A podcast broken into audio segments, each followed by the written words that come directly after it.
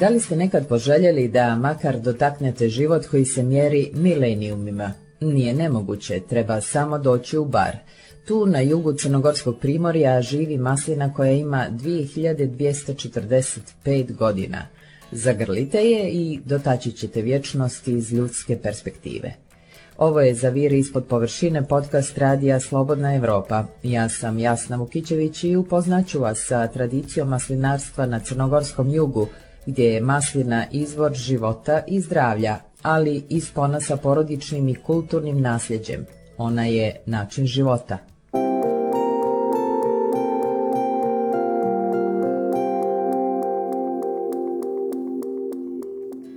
Barska komuna je još u 13. vijeku isplaćivala državni namet i u ulju, a barski maslinjaci se pominju u istorijskim izvorima još 1333. godine.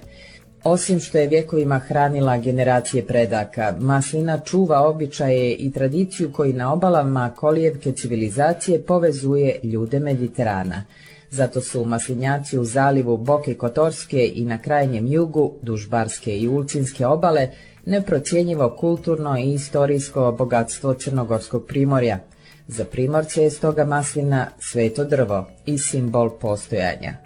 Što maslina danas znači za primorce i što je značila tokom vjekova duž Crnogorskog juga govori predsjednik društva maslinara Bara, Čazim Alković. Evo, ja mogu reći ovako za moju familiju. Ja sam u, u porodičnoj kući koja je sada u vlasništvu ovaj, mojeg daljeg brata Ostrica u Dubrovniku pronašao dokument koji govori o maslinarstvu moje familiji i u tom dokumentu ima da, da se moj neki predak još 1718. bavio maslinarstvom. E sad možete zamisliti i taj dokument drži e, informacije o svim muškim glavama kako ovaj, da kažem, sve do današnjeg dana i svako od, od muškaraca, nasljednika tog Aljka koji je 1718. bio maslinar, se bavio maslinarstvom i meni ta tradicija puno znači. E, rekao sam vam da je moj zed još ovaj, prije drugog svjetskog rata sagradio uljaru u baru.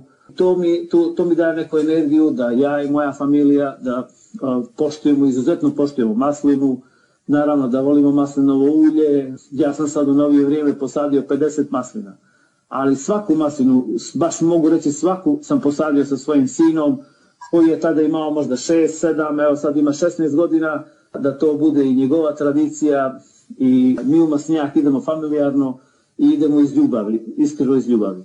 A ulje koje proizvedemo izuzetno poštujemo, mogu reći da ga, da u domaćinstvu skoro isključivo koristimo maslinovo ulje, pogotovo ovo u sirovom obliku, pogotovo ovo mlado ulje kad e, sad koje smo dobili, tako da, da jednostavno to je sastavni dio i naše tradicije, ali i našeg današnjeg života.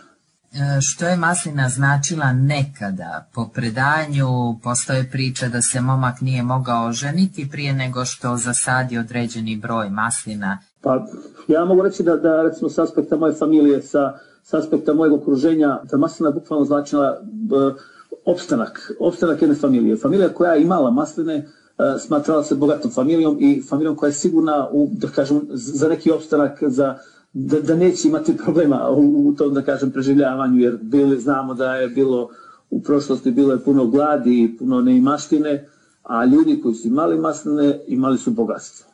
Tako da u vrijeme kraja Nikole postojao je propis da mladić nije mogao da se, da se oženi ako ne zasadi određeni broj maslina. Kako bi to rekli, u, iz tog vremena nije mogao da sjedi među ljude, mislim, među ozbiljne muškarce, ako nije već posadio određeni broj maslina nije se smatrao ozbiljnim čovjekom, da, da kažem.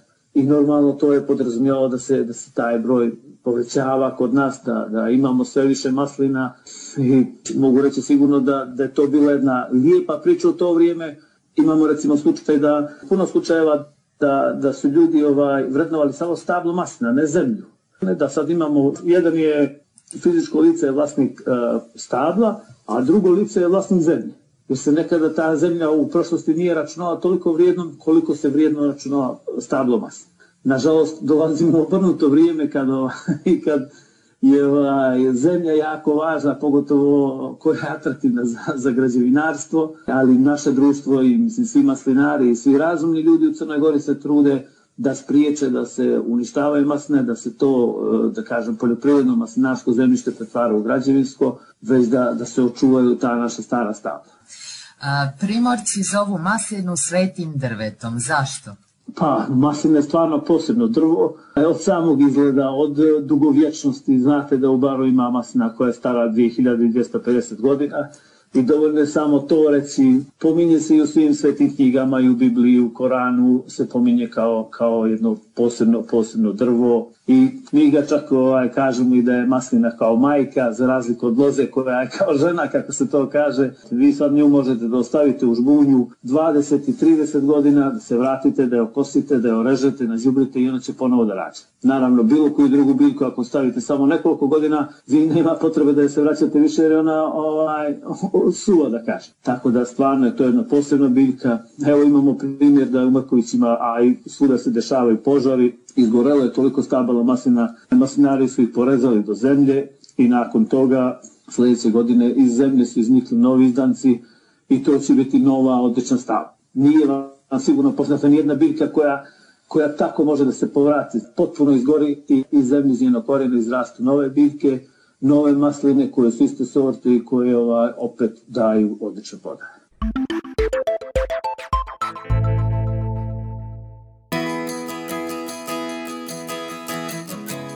Zamislite sada život koji traje duže od dva milenija. Tako je najstarije drvo u Crnoj Gori, stara maslina u Baru, koja broji 2245 godina i danas redovno rađa plodove od kojih se dobija ulje visokog kvaliteta. Čazi Malković iz društva maslinara Bar.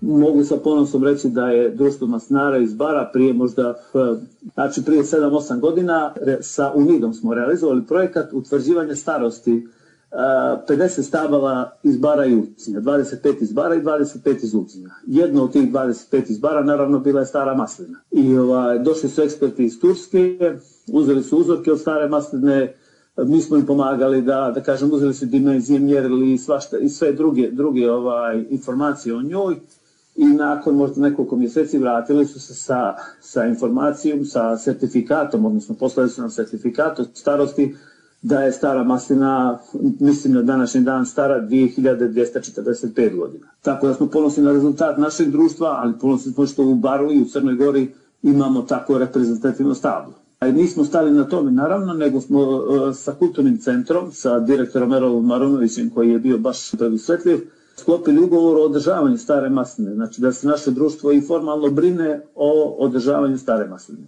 Znači mi ovaj, džubrimo, režemo, zaprašujemo, radimo, primjenjujemo sve agrotehničke mjere. Naravno to sve radimo uz nadzor biotehničkog fakulteta.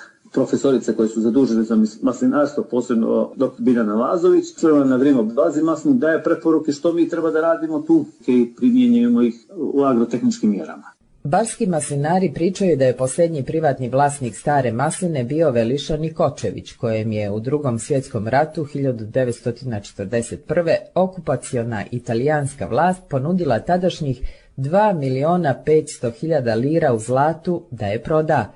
Namjeravali su da je sa korijenom presele u Bari. No, Nikočević je odbio tu nevjerovatnu ponudu, svjestan vrijednosti stare masline za cijeli kraj, prenose barski hroničari. Nakon drugog svjetskog rata vlasnik stare masline je postala država i to drvo od sredine prošlog vijeka ima status zaštićenog prirodnog dobra. E sad dolazimo do toga da ona, bez obzira na tu njenu izuzetnu starost, daje plodove. Naše društvo svakog oktobra, u zavisnosti od te neke optimalne zrelosti, organizuje javnu berbu stare masline. Pošto ona daje plodovi, to izuzetno dobro rodi, mi organizujemo javnu berbu, na tu berbu pozovemo sve. To je jedno onako jedna barska fešta bez obzira na bilo kakve razlike. Nema tu sad beru zajedno i opštinski funkcioneri, i predsjednik opštine, i ministar, i svi obični radnici, i izviđači, i recimo gospodin koji je ove godine brao sa nama imao je 94 godine. To je jedna prava barska fešta gdje smo mi svi isti, maslina nas spaja, povezuje i uz lijepo druženje uberemo ručno, isključivo ručno uberemo plodove Ne koristimo nikakva postrojenja, nikakve tresače, već svi zajedno beremo ručno. Recimo ove godine smo ubrali, mislim da je bilo 100 kg maslina, 101, 101 kg, ako se dobro sjećam, od toga smo dobili 7,9 kg, zanimljivo je da su mjeru kilogramima, kilograma ulja. I možete sad zamisliti koliko je posebno, poseban taj proizvod, posebno to ulje koje se dobije od stabla koje je staro preko 2000 godina. To ulje uz podršku opštine pakovali smo u posebnu ambalažu, posebne drvene kutije i onda opština Bara i mi poklanjali smo takav proizvod u malu bočicu od 0,25 uvaženim gostima koji su dolazili. Nosili smo na poklon kad bi odlazili iz Bara. Recimo jednu takvu bočicu je dobio princ Charles tokom posjete Crnoj Gori, što smo koristili za, za promociju. Ja mogu sam sebe da budem ovako, da budem sebičan, da se pohvalim, da sam ja napisao jedan stručan, stručni rad koji imao naziv kako utvrđivanje starosti stare masline utiče na brendiranje a, crnogorskog maslinovog ulja. I taj sam rad objavio u Španiji na jednom simpozijumu, dobio sam certifikat da, da je on objavljen. Ja sam srećan jer je to prvi put da u stručnim i naučnim izvorima imamo da je stara maslina u baru stara 2245 godina sad. Znači, ako neko istražuje u Japanu ili neku naučnik e, u Australiji, on će da u tim naučnim bazama nađe informaciju da u baru postoji tako staro stavo. Mislim da je to dobra stvar za nas, ta stara maslina je jedan nepresušni izvor i turističke ponude i naučno-istraživačkog rada i jednostavno široko polje ovaj, e, benefita koje daje našem gradu i našoj državi. A sad malo o tečnom zlatu, maslinovom ulju. Najkvalitetnije je ekstra divičansko maslinovo ulje koje ima brojna ljekovita svojstva, a dokazuju se senzornim analizama. O luštičkom i barskom ulju pitamo i na Tivatskoj pjaci. Domaće maslinovo nalazimo kod Nade i Semira. Imam svoj maslinjak i sami proizvodim. Koliko stabala? Pa jedno 100 starih i jedno možda 150 mladih. Što vas ljudi najčešće pitaju kad dođu, žele da kupe pravo domaće maslinovo?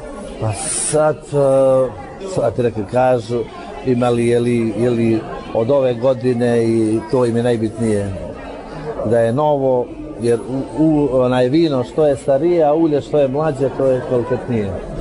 Vino što je starije, to je bolje, jeste, a maslinovo ulje jeste, što je mlađe. Jeste, baš tako. Odakle je maslinovo? Iz Grblja, iz Nalježvića. To je tradicija tog dijela Boke, jel' Jes, evo, ja sam 40 godina kad sam se udala, stalno imam ulje. Dobro, ne rode svake godine masline, ali kad rode, Kako je bilo ove godine? Pa nije loš, nije, nije loš. Znaju li ljudi odabrati pravo maslinovo Pa domaće? većinom da, većinom da, razumiju se. Pa boga mi ukus i miris, to po tome je prepoznatljivo. Pošto je litar? 15 eura. Je li to prava cijena ili mislite da bi moglo biti i skuplje s obzirom da je riječ o ekološki očuvanom dijelu? A sigurno Primorja? da bi, ali kupovna moć naroda i opet gledamo da ne prećeramo neku cijenu solidnu. Kako prepoznati dobro maslinovo, što vi kažete? Pa sad, e, treba se proba, onaj, kad probaš, mora da ima pikantnost, to ako je maslina ma- malo bila zelena ako je brana, i ta pikantnost prođe za jedno 20 sekundi, prođe. A ako je kiselina, ona ostaje i posle 5 minuta te grebe u grlo i to je kiselina. A ovaj, a kad je baš ono brana, maslinovo, samo te malo onaj prođe na pikantnost i to je baš pravo ulje. Mada ljudi neće uopšte da ga grebe, da je onaj, mislim da je sve to kiselina, ne, ko, ko se do sad njih se ne razumije. Ja baš donesem, na primjer, ulje od zeleni maslina ubranih, svaka onaj, ali malo ga iz pecke glave, ali ima kiselinu. Ali čim prođe za jedno tri mjeseca, četiri, kad to ulje odstoji, izađe i ta pikantnost izađe, ono više ne grebe. Što je važno kod korištenja maslinovog ulja u kulinarstvu? Pa da se što više koristi normalno, ali ovako, bez prženja i to, nego baš, Kažu da ga treba dodati pri Sirom. kraju spremanja. jel? da, da, svakako. Da bi zadržalo sva za- svojstva. Jes, jeste, da, da. Koliko vi u svom domu koristite i maslinovo ulje i masline? Pa, kod mene ovo sucokretovo sala ulja nema u kuću, sve na maslinovo ulje. I kuva se, i prži se, i ljudi misle ovo je samo za salatu i to. Mi sve živo kuvamo, pržimo, peče se, sve, sve, sve na maslinovo ulje. Suncokretovo jedino kolače, ovaj, neke, a drugo ništa. O, masline baš i dosta onaj, isto su zdrave i korisne i ove zelene i crne Je li to žutica? žutice od žutice, da. To je najkvalitetnija masla. Imate li vi svoj maslinjak? Da, da. Koliko stabala? Uf, ne znam, boga mi, 30-40 najmanje. Ima i više, i starija, mladija ima, ima više. Koliko zahtjeva posla maslina? Održava? Najmanje, najmanje. Ono kažu maslina kao majka, uvijek kada se vratiš, ona ima zapušteno dosta, ono, mi nijesmo stvarno, nego baš ono održavamo koliko možemo. Imamo li mi tu tradiciju kojom cijenimo maslinu danas i ono što nam daje? Pa ja mislim da ima, o Primorje ima. Dok već Primorje je malo i Podgorica, dok sjever ovaj, tu ne, on ne, ne, slabo ga koriste. Podgorica neće možda polovično, a Primorje baš koristi dosta. Zbog čega? Što mislite? Pa navika, navika je ljudi kako su navikli na, na to uljovo, kad promijeni onda mu ili jako ili nije navikao na maslinovo ulje, onda I manjak informacija i, možda. i moguće sve. Treba znati da su masline i maslinovo ulje temelj mediteranske ishrane koja je zvanično proglašena za najbolju na svijetu. Kako ih pravilno koristiti u gastronomiji, pitamo dugogodišnjeg šefa Vuka Mitrovića. Poslednje u nizu priznanja za svoje kulinarsko umijeće dobio je od Svjetske asocijacije šefova kuhinja, koji su mu dodijelili nagradu za životno djelo. U plodu masline faktički imaš sve. A onda imate jednu narodnu starinsku izreku da deset maslina vam zamjenjuje nekih 20 ili 30 posto potrebe za uzimanje hrane, nadomjesti, nadomjesti sve ono što čovjeku treba za taj dan. Šta još je vrlo interesantno, da maslina daje zasićenost organizmu, s tim ne prividno, korisno, razumijete? Evo i preporuke kako čuvati masline, a Mitrović nam poklanja i starinski recept za crne masline, koji je vjekovni specijalitet na Jadranu, u Dalmaciji i na Crnogorskom primorju.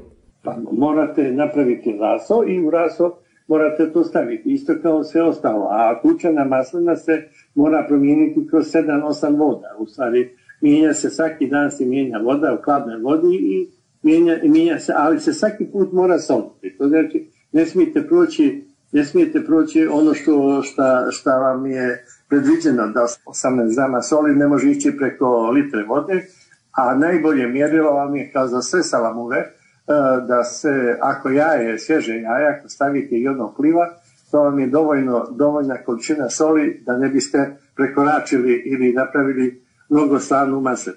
A onda imate crne masline koje su zdravije mnogo od ovih zelenih, jer mnogo ima više dobrih stvari u, u sebi, a jednostavno se dalmatinci e, imaju dobru foru, oni čak te masline crne e, stave kad prođu salamuru i kad dobiju ukus koji treba da dobiju, onda oni to onda stave u vrelu i imaju polusušene masline. E, to, su, to, je, to je maslina koja ima najviše, najviše dobrih stvari ko sebe, razumijete. Pa Tako da e, čak i te masline, tučene masline sa pori luka iz rasada, onaj koji je za rasad, to je mladi, potpuno mladi pori luka, e sad malo srpuje i polo luka, potpuno mijenja ukus e, tih maslina. To je ono što, što se nekad jelo i to je bilo delikatesa na trpezama i u Paštovićima i uopšte u Grblju, Baru i svim ovim oblastima gdje su masline značile život. U svom kulinarstvu koliko koristite i maslinovo ulje i masline? Ja u privatnom životu koristim 100% maslinovo ulje, to a u profesiji maslinovo ulje treba umjeti koristiti jer uh, jednostavno ne može, ne može se sve stvari raditi na maslinovom ulju. Jer ako maslinovo ulje pređe temperaturu, određenu temperaturu, ono počinje da sagorijeva i plus toga ukus i sve to se gubi. To znači maslinovo ulje se koristi za završetak jela. Tako da je maslinovo ulje specifično.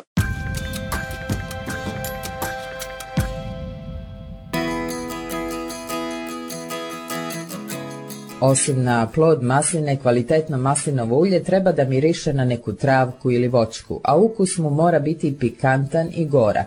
Čazi Malković kaže da se kvalitet maslinovih ulja određuje hemijskom i organoleptičkom analizom, a senzorsku analizu vrše posebno obučeni stručnjaci, čiji panel broji između 8 i 12 ocjenjivača. Ministarstvo poljoprivrede je prije godinu dana ovlastilo panel za senzorsku ocjenu kvaliteta masnog ulja koji je zakonom propisan. Crnogorskim zakonom i normalno evropskim zakonima i zakonima Međunarodne organizacije za maslinu. Znači da kažem, ta senzorska ocjena kvaliteta, ocjena kvaliteta mirisa i ukusa je obavezna, nije, nije dobrovoljna, nego pored hemijske analize obavezna je i ta organoleptička analiza. Tu organoleptičku analizu u našim uslovima radi od 8 do 12 uh, ocjenjivača, koji treba da se slože u, u ocjeni ulja. Ovo sam samo ispričao da, da kao jedan uvod da, za, za ovaj priču o prepoznavanju kvaliteta. Znači, maslino ulje ima tri osnovne pozitivne osobine koje potrošač bi trebalo da nađe kod ulju. To je ovaj voćnost, gorkost i pikantnost. Ako ulje nije voćno, ono ne može da se kategoriše kao ekstra divičansko. Znači, kad vi pomirišete ulje, ono treba da miriše na, na svježi plod, na zeleno i to je baš ta neka zelena voćnost koja se mora naći kod maslinovog ulja. Pored toga, ako se ulje uzme u usta i ako se degustira, onda e, na obodima jezika se osjeti gočina. Ta gočina je, su polifenoli koji su blagotvorni na zdravlje. Neki naši potrošači kažu ovo ulje gorko, to nešto nije u redu sa njim. Ne, gorka ulja su kvalitetna i sad na, na svjetskim takmičenjima, na, na svjetskom nivou gorka ulja se visoko, visoko ocjenjuju. Tako da je, da je važno da se osjeti ta gočina u ulju. I treća pozitivna osobina je ovaj, pikantnost. To je blago peckanje u grlu. Znači kad se degustira, kad se uzme ulje usta, osjeti se blago peckanje u grlu i to je pikantnost i to je jedna od važnih osobina. Ali ponovo da se vratim, ove dvije osobine, gorkost i pikantnost, su poželjne, a voćnost je obavezna. Znači, naši potrošači moraju da znaju, ako uzmu ulje i ono se ne osjeća na ništa. Često su oni zadovoljni, kaže baš mi je dobro, mogu da ga konzumiram, mogu da se liječim sa njim, da ne znam, snižava kolesterol, pritisak i sve ostalo. To ulje nešto nije u redu sa njim. Ako ono ne miriše na voćno, ako ne miriše na uh, plod svježi, na zeleno, na zeleno pokošenu travu, ono nije ekstra divičansko, ne kategoriše se. Ponovo naglašavam, to je jako važno da znaju potrošači. Znači, ako dobiju ulje, uh, kupe, nabave, dobiju na poklon, neko ko je koje se ne osjeća, koje nema miris i ukus, to nije ekstra djevičansko, niti djevičansko masno ulje. Popričajmo malo sada o proizvodnji, kako je izgledala nekada i kako je danas. Što se promijenilo? Kroz istoriju proizvodnja se mijenjala. Evo, ja mogu reći za, za moju familiju, moja familija u Dobroj vodi imala uljaru, moj džed je ovaj, prije drugog svjet, svjetskog rata sagradio uljaru u Dobroj vodi, koja je za mljevenje maslina koristila kamene točkove koje je pokretala vodenica, vod, voda. Pošto smo mi živjeli pored e, potoka, voda iz potoka je pokretala taj, da kažem, e, vodenični točak koji je pokretao kamene točkove koji su mljeli masline. Onda je bila presa koju su ovaj okretali jaki muškarci, tako presovali maslino ulje i proizvodilo se ulje. Ulje nije bilo nekog posebnog kvaliteta, ali za to vrijeme sigurno je bila važna hrana i, ovaj, i bilo je jako, opet ono što sam prije rekao, bogatstvo koje je imao i takvo ulje. Vremenom, uh, nakon, da kažem kako se vremena mijenjala, napredovala nauka i tehnika, 68. godine ovaj, moja familija je kupila recimo električni mlin, znači prešli smo sa tog vodeničnog točka na električni mlin i na hidrauličnu presu. I tada su se masne mljele kamenim mlinom, ali pokretala ga znači, struja kako vrijeme prolazi, evo sad u novije vrijeme imamo ove centrifugalne uređaje koji proizvode masno ulje i koji, da kažem, garantuju jedan uh, veći kvalitet masnog ulja. Nama je poznato u maslinarstvu da imamo tri osnovna neprijatelja masnog ulja, a to su kiseonik, svjetlost i temperatura. E sad kad masline meljemo u onim kamenim vinovima, ono je otvoreno prema kiseoniku. I ta smjesa koja se melje, koja se miješa u tim starim postrojenjima, otvorena je prema kiseoniku i oksidira oksidacijom povećava se peroksidni broj i pada kvalitet masnog ulja. Tako da po meni, da kažem, a vjerujem i po drugim ljudima koji se ozbiljno bavaju maslinarstvom, starim sistemom je teško proizvesti vrhunsku ulje. A neki naši potrošači su isključivi pa i dalje ovaj, traže ono ulje ispod kamena, kako bi to rekli kod nas. Ja mislim da teško to ulje može da, da ispuni ove osnovne standarde kvaliteta, a da ne kažem standarde gdje ovaj ulje ima ljekovita svojstva i gdje pomaže da blagotvorno djeluje na zdravlje.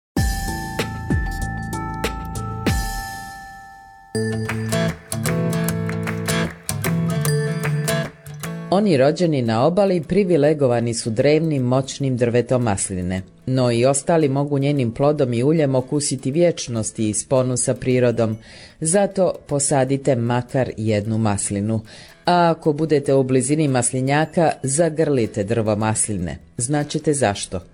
Ja sam Jasna Vukićević, ovaj i druge naše podcaste možete pronaći na slobodnaevropa.org, našim društvenim mrežama te Spotify, Google podcastima i iTunesu. Do slušanja.